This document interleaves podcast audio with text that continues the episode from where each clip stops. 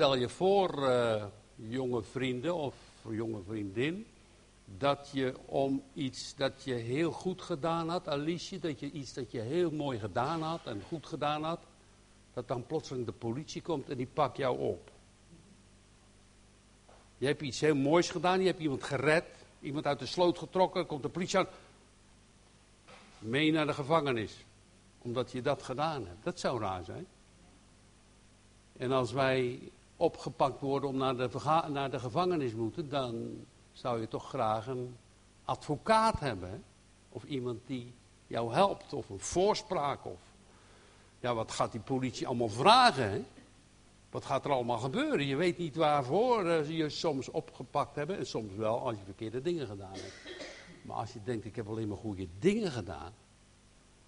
En je wordt opgepakt, dat is toch wel heel moeilijk en heel vreemd. En daar gaat het hier eigenlijk om. Petrus en Johannes waren nadat de Heilige Geest was uitgestort naar de tempel gegaan. En dat staat in het vorige hoofdstuk. En toen ze samen naar het huis van God. Ik zei toen de vorige keer ook al. Ja, Jezus had gezegd dat is het huis van mijn vader. Wij zijn daar wel geweest, maar die tempel is er niet meer. En daarbovenop in Jeruzalem, een hoog plateau. En daar stond de tempel. Het huis van de vader. Twee keer uh, de oude en de nieuwe tempel. Maar nu is er helemaal geen tempel meer in Jeruzalem. En, en terwijl ze dan naar die tempel gaan zitten, bij die poort, die schone poort, zat daar die, die verlamde man. En die verlamde man die uh, was al kreupel 40 jaar, meer dan 40 jaar. En toen hebben ze gezegd tegen die man, en die bedelde daar, want die zetten ze daar neer. En die man die mocht, omdat hij kreupel was, ook nog niet eens in de tempel komen. Dat is ook zo moeilijk voor zo'n man. Al jaren zat hij daar te bedelen. En, en, en dan komt Petrus en Johannes voorbij. En ze zeggen, goud en zilver hebben we niet, maar wat wij hebben, doen wij in de naam van de Heer Jezus Christus. Ze richten hem op en plotseling kan die man gaan lopen. En die man die gaat juichende de tempel in. Hij komt huppelend en springend, natuurlijk. En eigenlijk ook heel apart, als je uh, iets aan je benen hebt en uh, iets gips of zo, dan moet je gaan revalideren. Dat hoeft hij helemaal niet. Hij kon lopen, hij kon springen, had nog nooit gedaan. En plotseling kon hij alles doen. Dus het was een groot wonder. En, en het hele volk heeft dat gezien en ze dachten, oh dat doet Petrus en Johannes. En dat gaf hun aanleiding om in de tempel van smiddags, van, de derde uur af tot aan de avond, te prediken over Jezus Christus. In de tempel, en die tempel, die hadden de Heer Jezus juist laten kruisigen. Zo is het gebeurd overgeleverd aan het Sanhedrin, aan het Romeinse volk. En ja, dan gingen ze toch, nadat de Heilige Geest uitgestort was, met kracht en vrijmoedigheid naar het huis Gods, waar ze weten dat er een grote tegenstand is tegen de Heer Jezus Christus. En zij zijn de getuigen, want Jezus was opgevaren naar de hemel. En Jezus had gezegd, jullie zijn nu mijn getuigen in deze wereld. Jullie moeten getuigen van uh, de opstanding, van de vergeving van de zonde. Jullie moeten het evangelie gaan verkondigen aan de mensen, opdat ze zullen geloven. Een mens, de Heere zei in het paradijs, het is niet goed dat de mens alleen is. En hij gaf hem Eva. Maar je kan dus getrouwd zijn of je kan, weet ik wat, en je kan je soms zo alleen voelen. Ik weet onder ons dat er mensen zijn die hebben dat vaak. Dat je je zo alleen kan voelen. God zegt het is niet goed om alleen te zijn. Ik wil in je hart wonen. Ik wil bij je zijn. Ik wil jouw koning zijn. Jouw man zijn zelfs. Jouw bruidegom. nog meer namen? Ja, een hele lijst. Die Jezus is. En, en, en, en dat, als je dat ervaart, dan zijn de omstandigheden soms nog wel lastig en moeilijk. Maar je bent nooit meer alleen en je hebt iemand aan wie je alles vertellen kan. En die hoort jou en met hem spreek je en met hem bid je. En je, denkt bij jezelf, mooi hè. Het is niet vanzelfsprekend hè, wat er gebeurt. Hij helpt mij. Daarom zongen we ook wel zalig, hij die al zijn kracht en hulp alleen van God verwacht. Die gaat op de goede weg. die kiest, zegt Arendtol, die zingt het uit zijn hart. De welgebaande, dus de goede weg. De Bachtalodrom in jouw taal. Hè? De gebaande wegen. Nou, dat hebben ze gedaan. Ze gingen naar die tempel met die man erbij, het vorige hoofdstuk. En dan hebben ze tot de avond hebben ze gepredikt. En er komen heel veel mensen tot het geloof. 5000. Sommigen hebben gezegd, die werden aangevuld van de vorige keer van de 3000, zouden er 2000 zijn. Maar sommigen zeggen, het waren er werkelijk 5000. 5000. Dus dan zouden er plotseling, na een paar weken, 8000 bekeerlingen zijn in Jeruzalem. En dat is natuurlijk nog niet veel over het hele land. Zij geloofden wel in het Oude Testament van Mozes. Maar nu om te geloven in Jezus Christus, dat is werkelijk zin, dat is een verandering zo groot. En dat is gebeurd met die mensen in de tempel, omdat ze gezien hadden en Petrus had getuigd en gepredikt en hun hart is geopend. En Petrus heeft hun heel eerlijk behandeld. Want hij zei, jullie hebben de Christus gekruisigd. En die Christus, die zo weggeworpen moet worden door de mensen, en dat gebeurt nog steeds. Gebeurt nog steeds, als je goed oplet, dan gebeurt het nog steeds. Die Christus, die houdt van jullie. Die Christus is jullie koning. Maar je weet het niet eens. Dat is Petrus gaan vertellen en de Heilige Geest komt in hun hart. Wauw, hoe is het zo? Dus vroeger het Oude Testament, dat was ook helemaal goed. En nu de verandering naar het Nieuwe Testament, waar Jezus koning is, waarvan in het Oude Testament geschreven staat dat hij komen zou. De Immanuel, de God met ons. En die is gekomen en, en daar mogen jullie nu in geloven, want die wil jullie redden. Hij is de reddende heiland, de Messias, een koning. Alle macht is gegeven, de hemel en op de aarde, van zijn vader in Christus naar zo'n grote overwinning aan het kruis, want hij vermorzelde de kop van de Satan. Hij overwon de dood, want dat is gebleken, want hij stond op uit de doden. Heeft de zonde te niet gedaan en hij roept u, kom tot mij. Allen, allen die vermoeid en belast zijn. En ik zal rust geven voor uw ziel. Ja, de omstandigheden zijn zo moeilijk, pastor. Die zijn zo moeilijk en ik heb zoveel verdriet, ja. Maar wie eigenlijk niet? Als de poosje goed gaat in je leven, even later is het toch weer heel moeilijk. Moet u maar eens kijken. De een die zegt, nou fijn hoor dat ik mijn vrouw nog heb. En dan even later, ja, bericht. Mijn broer gestorven. Mijn vader gestorven. Noem maar op. Het gaat maar door. Weduwe, weduwnaren. Het gaat maar door. Maar daarom ga niet al, dat mooie lied, hè. Ga niet alleen door het leven. Die last is veel te zwaar. Het gaat niet. Dat denken mensen wel. Op de duur gaat het echt niet. Daarom prediken wij Christus. En als je daarin gelooft, dan heb je een kracht. Maar dan zien we plotseling dat dat niet mag. Je hebt iets goeds gedaan. Je had iets heel moois gedaan, in de naam van Jezus Christus dan zeker. Ja. En daar word je dan voor veroordeeld. Daar, daar gaat het nu om in het vierde hoofdstuk. Dus een grote tegenstand. En dan blijkt toch dat de duivel nog als een briesende leeuw rondgaat. En dat hij ons heel makkelijk kan inpakken en kan verduisteren en kan verleiden. Want wij zijn van de aarde aards. Daarom is het nodig om samen te komen. Daarom is het nodig om naar deze prediking te luisteren. Wat gebeurde er dan? Nou, ze werden opgepakt en door wie dan? Nou, door die tempelwacht. Ehm, maar ook door de Sadduceeën. En die Sadduceeën, ze waren woedend. Want die geloven helemaal niet in de opstanding uit de doden. Dood is dood.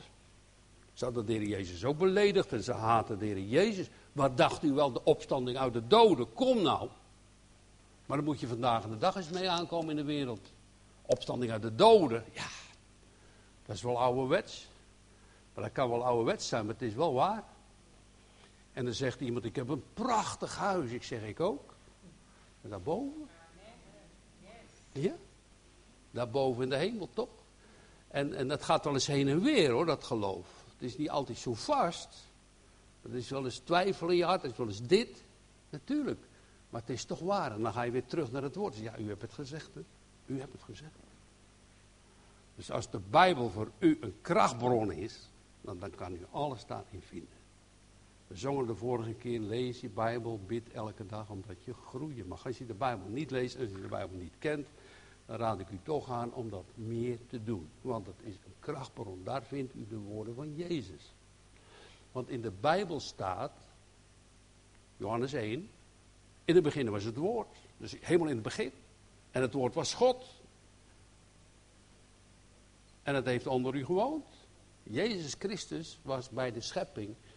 En, en, en als je zijn woorden leest, dat testament van die dood was. En de erfenis, als je in hem gelooft, is dan ook voor u, nota bene. Nou, dat, dat is gewoon geweldig. Maar, maar stel je voor dat je dus dat nou gelooft. In deze boze wereld en nog anderen met jou. Dan zeg je, nou, volgens mij zijn die mensen kierenwiet. Die kan allerlei woorden gebruiken. Zijn hele domme mensen of zo. Maar wat dan nog? Daarom bad ik ook. We leven in een tijd waarin mensen vervolgd worden. Kijk, er wordt al gezegd wat je doen moet. Nou ja, dan moet je eigenlijk aan onderwerpen, aan de wetten. Hè? Van, de regering en van de politie. Daar horen wij als christenen ons aan te onderwerpen. Dus wat je doen moet, wat je niet doen of wel doen moet. Belasting betalen, al dat soort dingen. Maar dan gaat het nog steeds verder in de wereld. Bijvoorbeeld Noord-Korea en andere landen. Dat ze dus ook een aanspraak maken op jouw denken. En op jouw geloof. Ja, jij mag niet dat denken en je mag dat niet geloven. Dat is het binnenste van jouw hart, de gedachte en je ziel. Dan moet je gaan denken en gaan doen wat zij doen. Nou, dat is vandaag de dag en dat is de list van de Satan. En daarom hebben wij gebed nodig. Daarom hebben wij die kracht en de hulp van God nodig. Want we worden beïnvloed door de media, door allerlei dingen. En al die krachten komen op ons af. En dat zien we hier ook gebeuren. En, en het is een hele aparte geschiedenis. Uh, 5000 man. Ze worden in de gevangenis gezet omdat ze die man opgericht hadden. Die 40 jaar krank was in de naam van Jezus. Een groot wonder, hè. En, en ze waren gaan prediken. En dan worden ze in de gevangenis. De hele nacht zitten ze in de gevangenis. Het lijkt wel of dat die kreupelen, in ieder geval Petrus en Johannes, of dat die kreupele man die daar nu kan lopen er ook bij is, want die staat ook uh, bij die rechtszitting, want dat was het geworden. Dus die discipelen, ik denk misschien zit die man ook wel in de gevangenis. En, en dan is er een vergadering van het Sanhedrin. Nou, wij hebben de politie, wij hebben de politiek en de rechtbank. En vroeger had je daar het Sanhedrin en die hadden, dat was een soort politie met de Romeinen en de soldaten. Die hadden dus het voor het zeggen, vooral in Jeruzalem. En dan werden ze dus voor een soort rechtbank gedaagd. Een vergadering van Caiaphas en Annas en andere priesters. Het Sanhedrin was 70 plus 1 als alles voltallig was. En die vergaderden dan over wat er gebeurde in de tempel. En ze komen tot de conclusie en ze gaan Petrus en Johannes gaan ze erbij roepen en ze gaan een vraag stellen. En wat vragen ze dan? Ze werden in het midden gesteld, dus, dus al die een soort rechtbank. Hè? En, en, en er wordt gezegd, gevraagd, door welke kracht en door welke naam hebben jullie die kreupelen doen wandelen? Nou ja, ze hadden natuurlijk kunnen zeggen, nou ja, weet u, eh, als, als je in het nauw gedreven wordt, hè, en, en, en dan kan je dus zeggen, ja, je ziet het vaak, hè, en misschien kan je dat ook wel van je eigen hart. Komt de politie aan en de politie wil een bekeuring uit. Ja, maar dat heb ik, het was niet, en wij zoeken dus de verzachtende maatregelen. En verzachtende omstandigheden. Ik heb het ooit wel eens dat, dat probeer ik ook hoor, ik ben niet beter dan de rest. Maar ik heb het ook wel eens meegemaakt dat ik eerlijk vertelde tegen een politieman. Nee, ik heb het. Ze geloofden me geen eens. Ze namen het niet aan. Nee, dat bestond niet. Wat ik zei, dat, dat was wel zo. Achteraf is dat wel gebleken dat ik dus een fout had gemaakt en eerlijk bekend had. Maar ze wilden het niet geloven. Dus dat was een beetje, een beetje olie in een put of zo. Wat ik, die vroegere jaren, want dat doet er niet toe. Brandweer moest erbij en alles. Ze geloven je niet als je eerlijk bent, bijna. Ze gaan er al vanuit dat je liegt. Dus dat, dat, maar dat doet, doen Petrus en Johannes niet. Ze hebben nu de gelegenheid om te gaan vertellen wat er echt gebeurd is. En, nog iets. We waren begonnen met, uh, als je nu opgepakt wordt, hè, je hebt iets goeds gedaan, je hebt iemand uit de sloot gered bijvoorbeeld, hè, en uh, dan word je daardoor opgepakt. En het politiebureau, je moet de hele nacht blijven zitten. Nou, dan ga je wel huilen, hè, Doentje. Dan ga je wel huilen in de politie, politiecel, ja. En, en, en dan heb je dan een advocaat of zo? Is er dan iemand die jou helpt? Moet je tegen die macht, moet je daar dan...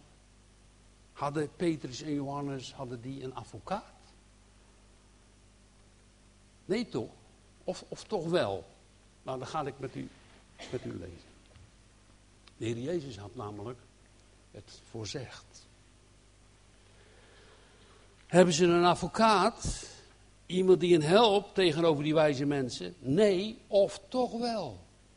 Nou, luister maar. Lucas 12 staat op meerdere plaatsen in de Bijbel. En wanneer zij u brengen in de synagoge, dus voor de rechtbank en voor de overheden. Wees niet bezorgd over wat, hoe of wat u tot verantwoording moet spreken of zeggen. Want de Heilige Geest zal u in dat u leren wat u spreken moet. Jezus zegt, gaat het van tevoren niet bedenken. Heilige Geest heb ik beloofd. Je komt voor de rechtbank, je staat in je recht. Je hebt goede dingen gedaan, je was niet verkeerd bezig. De Heilige Geest die spreekt. Als je die ervaring hebt, dan weet je al van tevoren dat God er is. Had je niet kunnen bedenken. Je krijgt dus woorden. Wat is meegemaakt? Nou, ik wel. Je krijgt woorden van God die hij belooft door de Heilige Geest te spreken. Opdat je niet alleen staat, dat is de advocaat. Dat is jouw advocaat. Geweldig, vergeet u dat nou niet. Want het kan zomaar gebeuren. Dat er wat gebeurt en dat u onschuldig veroordeeld wordt en dat u een. Ja, dan, oh ja, wat moet ik nu doen? Misschien ontkennen of zo, of wegkruipen, of, of in ieder geval niet eerlijk, of gaan liegen, of want dat deden zij niet. Maar de Heilige Geest zal spreken als u dat nodig hebt, als u voor een rechtbank komt en u wordt veroordeeld en u was onschuldig. Want ze hadden niet iets verkeerds gedaan, maar iets goeds. Zo kan het ook zijn bij een uh, vader of bij een moeder. Of bij ons, dat je iets goeds deed. En ze vinden het eigenlijk maar niks ga je erover veroordelen. Ze willen je als kan wurgen. Weg met hem. Jezus had dat ook voorzegd. Ze hebben mij vervolgd en ze zullen ook u vervolgen. Ze hebben mij voor de rechtbank gesleept en dat gaat met jullie ook gebeuren. Het is wel moeilijk hè, dan christen te blijven. En, en is dat verhaal niet te moeilijk dan, als je jong bent? Maar één ding is zo. Kijk, het gaat zelfs zo ver dat die woorden van de Heer Jezus, die hebben zoveel kracht en die gaan in het hart van mensen, dat hij zegt, je moet eerder, moet niet zo bang zijn voor de mensen die het lichaam doden, maar je moet veel meer respect en eerbied hebben voor mijn Vader in de hemel, die lichaam en ziel kan verderven in de hel. Zo. En de Heer Jezus zegt, daar moet je niet naartoe. Hoef helemaal niet, want ik ben voor jullie hier op deze wereld. En ik heb die helse smarten gedragen, dat hoeven jullie niet te doen. Kom tot mij, die vermoeid en belast zijn, en ik geef rust voor je ziel. Ik ben uw koning. Ziet u, dat is enkel liefde van God. Want er zitten dus in de wereld twee machten. Overheden en een macht die bestrijden elkaar de macht van de duisternis, van het donker en de macht van het licht. En het licht overwint. Want het licht schijnt in de duisternis. De duisternis snapt het niet. Maar toch, als God met zijn kracht en met de Heilige Geest komt, Dat is een onweerstaanbare kracht. Hij spreekt er, het is er, hij gebiedt en het staat er. Hij roept de dingen die niet zijn en ze zijn er. Zo schiep hij de hemelen en de aarde.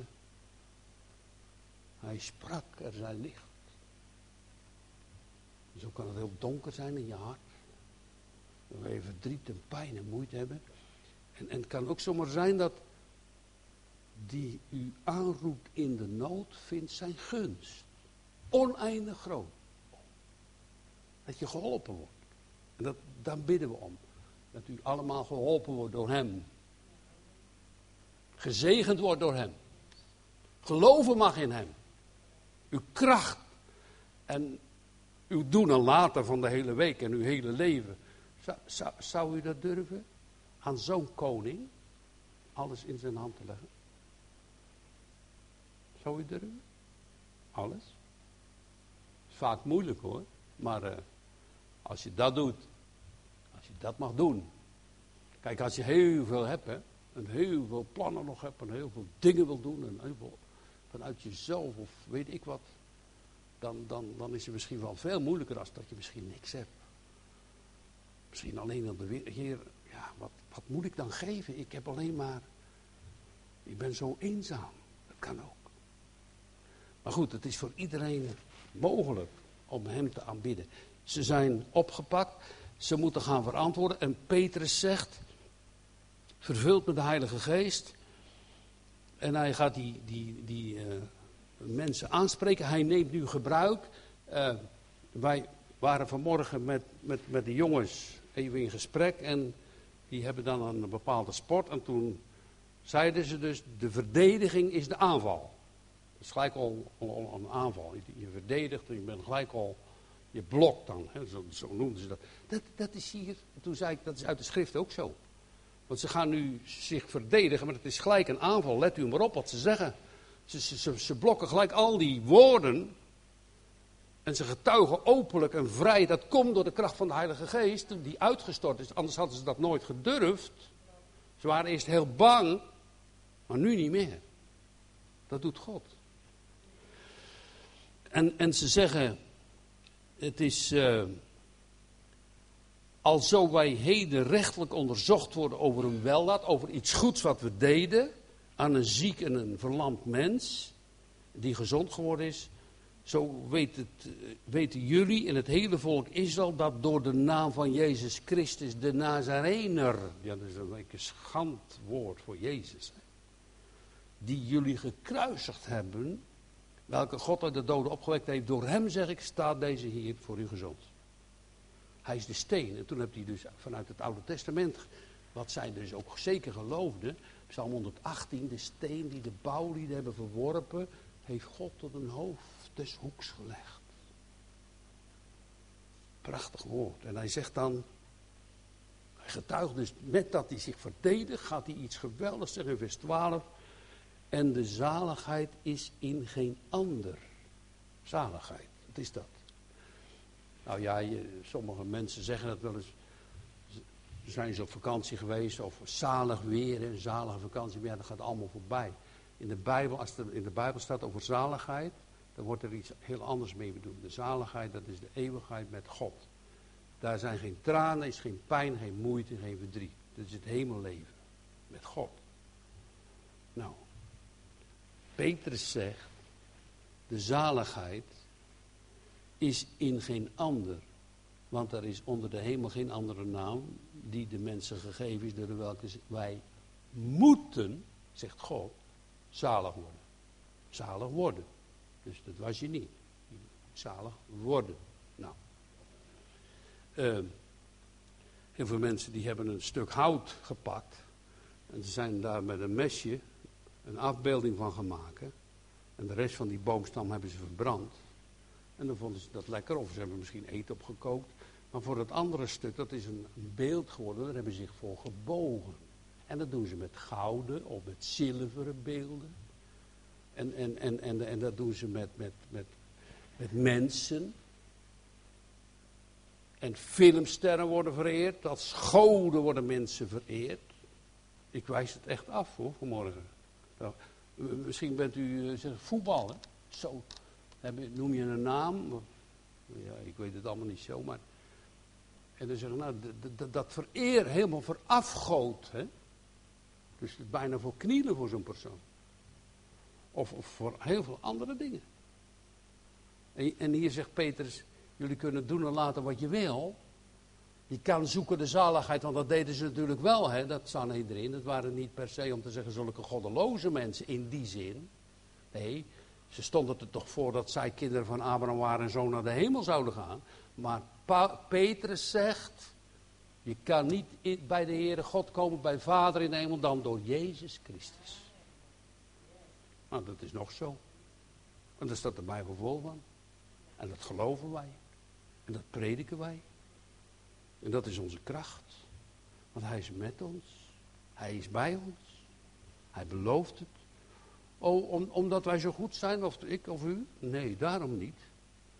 Maar heeft een verbond. Het verbond van Abraham, zijn vriend, bevestigt hij van kind tot kind. Hij heeft een afspraak. Hij heeft gezegd, die in mij gelooft, die krijgt, die hebt het eeuwige leven. Wat betekent het dan als je gelooft? Nou, dan ben je voor God gerechtvaardigd, zegt de Romeinenbrief. Wat betekent dat dan allemaal? Nou, je was eerst dus een zondaar. Vloek rust op je. En nu geloof je in Jezus. Die dus voor jou jouw zonde betaalt. En voor jou alle geboden gehouden heeft. En voor jou door de hemel is doorgegaan en een plaats bereidt. En voor jou en voor u de Heilige Geest geeft. Wat een God. Ik zeg misschien heel veel woorden voor als u misschien eens een keer hier komt. Maar onderzoekt het of het zo is. Of wij liegen. Onderzoek de schriften. Je had van die mensen die wilden iedere keer iets nieuws horen. Maar van Berea, die waren edeler. Want die onderzochten of het wel waar was wat die prediker zei. Nou, dat mag u van mij doen. Onderzoek de schriften. Ga maar kijken wat de schrift zegt. Wij houden ons aan het woord gods. Zijn we volmaakt? Nee. Dat zeggen we niet. Maar wij prediken Christus. Uit hem vloeit voor de genade, de kracht, de liefde, de zegen. Dat is zijn naam. En daarom geen andere naam. Zo is ook een lied, hè, wel eens gezongen. Geen andere naam die onder de, heem, onder de mensen gegeven is, door welke wij moeten zalig worden. Die, die naam is gegeven door de engel uit de hemel. En gij zult zijn naam, toen komt de engel bij Maria, en gij zult zijn naam noemen Jezus. Dat is zalig maken, heiland. Nou ja, wat gebeurt er? Dus die getuigenis, hè? En dan, ze zien de vrijmoedigheid van Petrus en Johannes. En vernemen dat ze ongeleerde en slechte mensen waren. Nou, dus die mensen ja, die komen zo uit de visserij. Jezus roept hen. En ze hadden niet gestudeerd en ze prediken. Ze zijn vervuld met de Heilige Geest. Het zijn apostelen. Nou. Verwonderden zich en kenden hen dat ze met Jezus geweest waren. Nou, dat zou mooi zijn als je dus. Als aan ons gedrag in de wereld gezien wordt bijvoorbeeld op je werk, dat je bij Jezus hoort. Oh, wat heb jij? Oh, jij, hoor jij bij Jezus? Ja, jij vloekt niet. Jij waarschuwt zelf dat tegen. Of zoiets. Of, of jij helpt juist iemand. Dat is mooi. Dat is een getuige ons gedrag. Ons verkeerde gedrag kan een negatieve, dus een verkeerde getuigenis afgeven. Maar ons gedrag in de naam van Jezus, dat kan een goede getuigenis afgeven. Om te laten zien dat je bij Jezus hoort. En ze zagen ook die mens die bij hen stond, die genezen was. En ze hebben hun geboden uit te gaan buiten de raad. Dus dan moesten hun weg en dan gaan ze met elkaar overleggen. Wat moeten we nou doen? Hè? Wat moeten wij nou met die mensen doen? Ze hebben maar getuigd en gepredikt in de naam van Jezus Christus. Ze zijn in de tempel gegaan. De Sadduceeën die zaten er natuurlijk ook bij. Die geloven niet in de opstanding. Nou, die waren woedend. En, en, en, en waarom dan? Hè? Ze deden iets goeds, ze hadden die man opgericht, maar dat niet alleen. Er waren 5000 bekeerlingen. 5000. En dat is toch geweldig? En dat mag dan niet. Je mag van alles in de wereld. Sport, spel, en, noem maar op. Niemand zal je tegenhouden. Maar het kan wel eens bitter moeilijk zijn om christen te worden, ook misschien in deze plaats wel. Bij ons valt nog wel mee, hè. Maar in Noord-Korea, dan staat je gevangenisstraf en dan staat je van alles te wachten. Maar wat doet de Heilige Geest? Ze zagen hun vrijmoedigheid. En dan ga ik even voor Alice een verhaal vertellen wat ik ooit gelezen heb.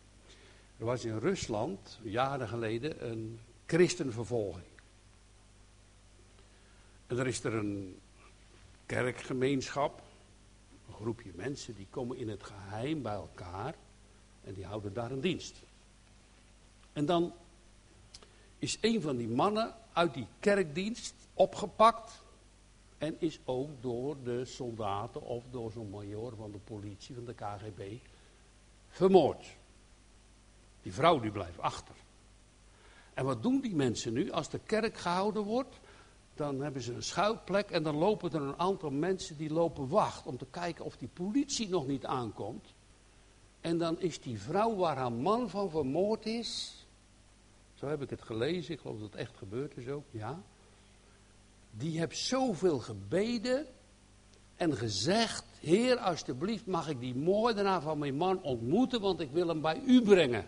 Nou, dat kan je niet begrijpen, hè? Dus ze had die man in haar hart vergeven en ze wil graag dat hij tot geloof komt.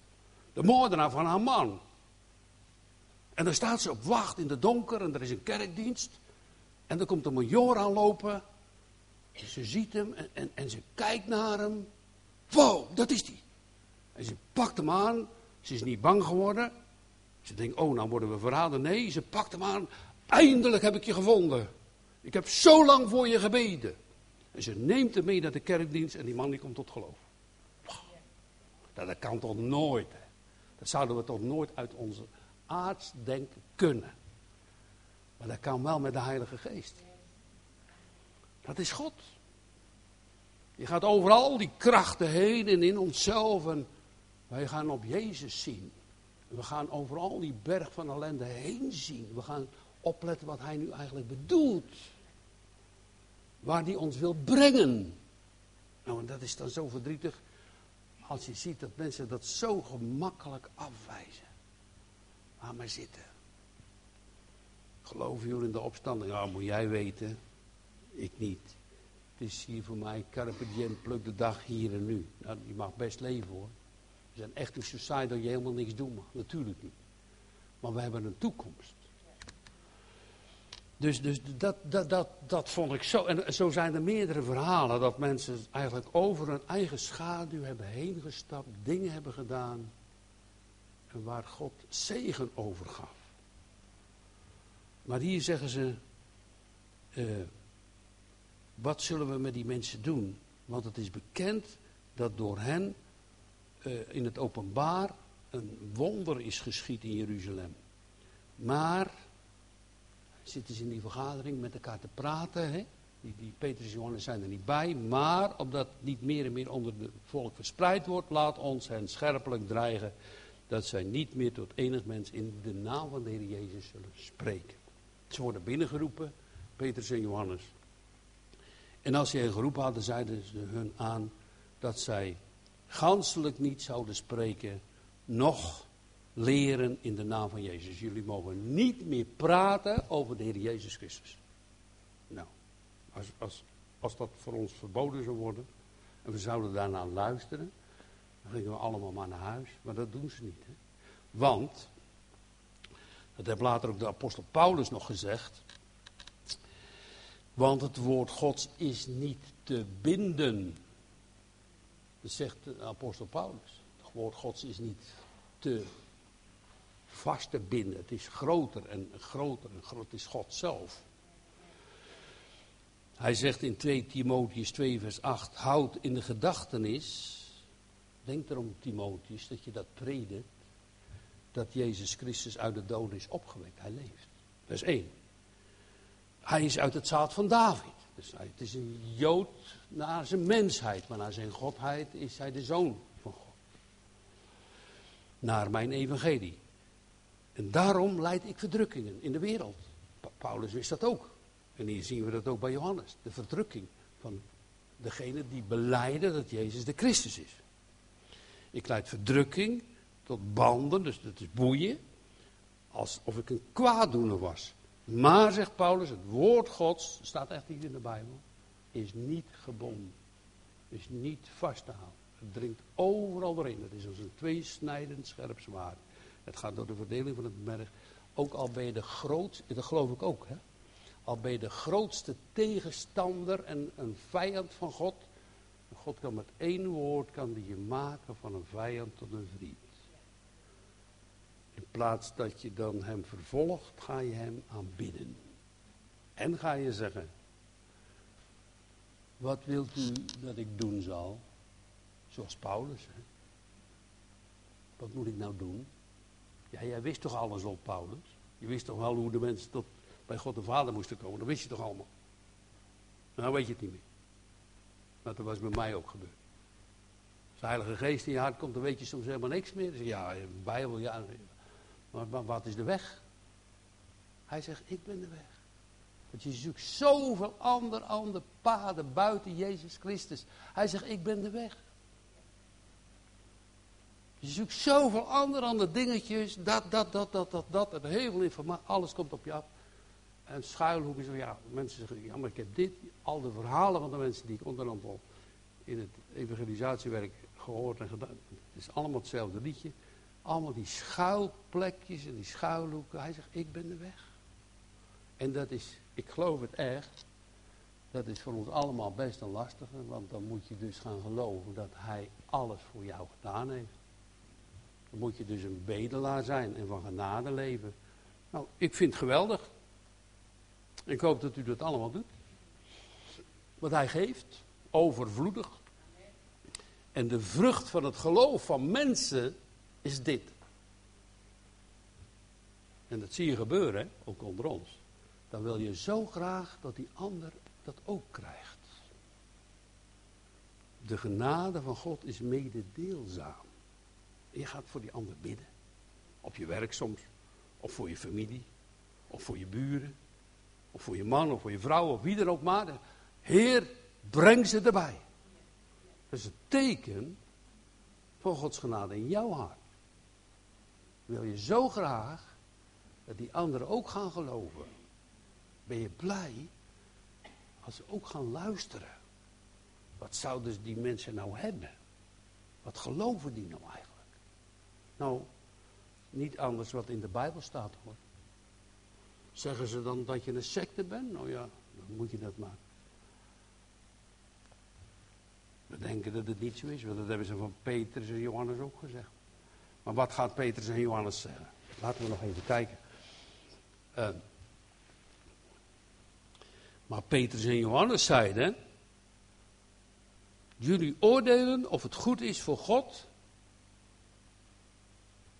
Jullie van het erin, dus van de tempeldienst, meer te horen dan wat God zegt.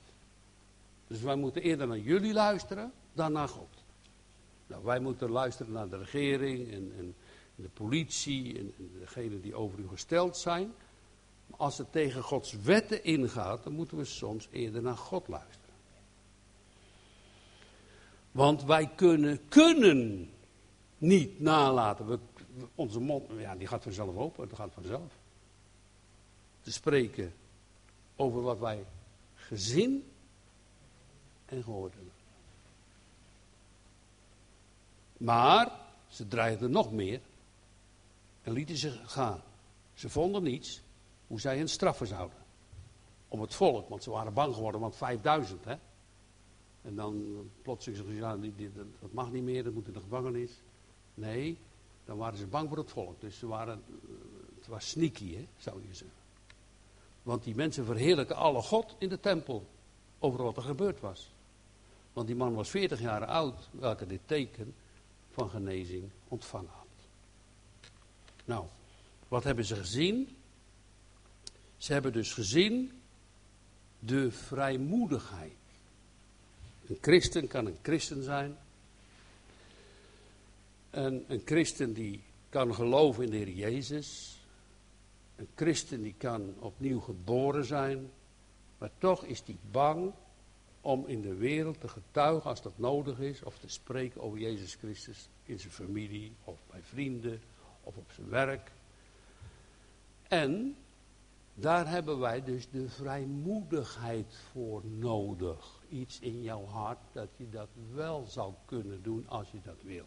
Of moet zelfs. En die vrijmoedigheid, die hebben wij soms niet. En ze hebben gezien dat zij die vrijmoedigheid wel hadden. Maar ze hebben ook gezegd, later, ik zal eerst even met u wat anders lezen, dat er dit staat. Uh, ze zagen de vrijmoedigheid in vers 13. En in vers 29 bidden ze om die vrijmoedigheid. Want ze weten dat er heel snel hoeveel kracht op hun afkomt om daar maar mee te stoppen. Maar de Heer Jezus had dan gezegd, maar de trooster, dat is de Heilige Geest. Welke de Vader zal zenden in mijn naam. Die zal u alles leren en zal u indachtig maken alles wat ik u gezegd heb. Dus het komt in je hart en dat kan er niet in blijven, want je gaat erover spreken. Dus, dus dat is het werk van de Heilige Geest. De vrijmoedigheid is een gave van God. Als je het nou opzoekt, overal die stukken keer ontdekken. Die vrijmoedigheid, dus om te durven spreken in de wereld tegen anderen. Hier zelfs tegen grote vijanden. Is een gave van de Heilige Geest. En daar mag je om bieden. Dat doen ze ook in vers 29. Ik zal het u nog even lezen. En zij dan de Heere, en nu dan Heere, zie op hun dreigingen en geef uw dienstknechten alle vrijmoedigheid uw woord te spreken. Vers 29. Maar dat is nog niet alles, want Jezus had nog iets anders gezegd. En dat ga ik met u lezen uit Matthäus 5, vers 10 tot en met 12. Dat snap je niet, het staat er wel. Zalig zijn zij die vervolgd worden om de gerechtigheid wil. Want hun is het koninkrijk der hemelen. Zalig bent u als de mensen u smaden en vervolgen en liegende alle kwaad tegen u spreken om mijnentwil. Verblijd en verheugt u, want uw loon is groot in de hemel. Want zo hebben ze ook vervolgd de profeten die voor u geweest zijn. Dus dat zijn de zaligsprekingen van Jezus uit de bergreden toen hij op die berg zat. En hij sprak dat zo tot het volk. En zo kan het je overkomen dat je dus vervolgd wordt. En je denkt, dan ben ik alleen. En ik voel me naar. En waarom? Ik zoek het goede. We hebben die man op kunnen richten. We bidden voor die ander dat die andere goed gaat. We bidden niet om vervloeking van de ander, maar we bidden tot zegen voor de ander. En daarom staat hier, als je vervolgd wordt, om het recht. Want hun is het koninkrijk der hemel. Heb goede moed. Hier staat het. Het zijn niet mijn woorden. Het is Jezus' woord. Dat u dat dan met u mee mag nemen. U zou zeggen, nou we hebben nog geen vervolging. We kunnen in vrijheid samenkomen. Maar ik weet niet hoe lang hoor. Al uw gegevens zijn bekend hè. Als je vooral je op Facebook gaat. Dan weten ze alles van je. Ja. Dus uh, het is maar een drukje op de knop en dan rollen alle christenen eruit. Dus, nou, weg ermee. Kan. Gebeurt in heel veel landen. Nou, daar bidden we om. En daar vragen we de hulp van God om. Want we hebben een goede toekomst. En hij zegt zalig. En de wereld zegt vloek. Ze waren blij in de tempel. Maar de tegenstanders zijn woedend. De tegenstand, u ziet. Wie zal winnen? In uw hart en in de wereld. Het licht of de duisternis. Het licht overwint. Amen.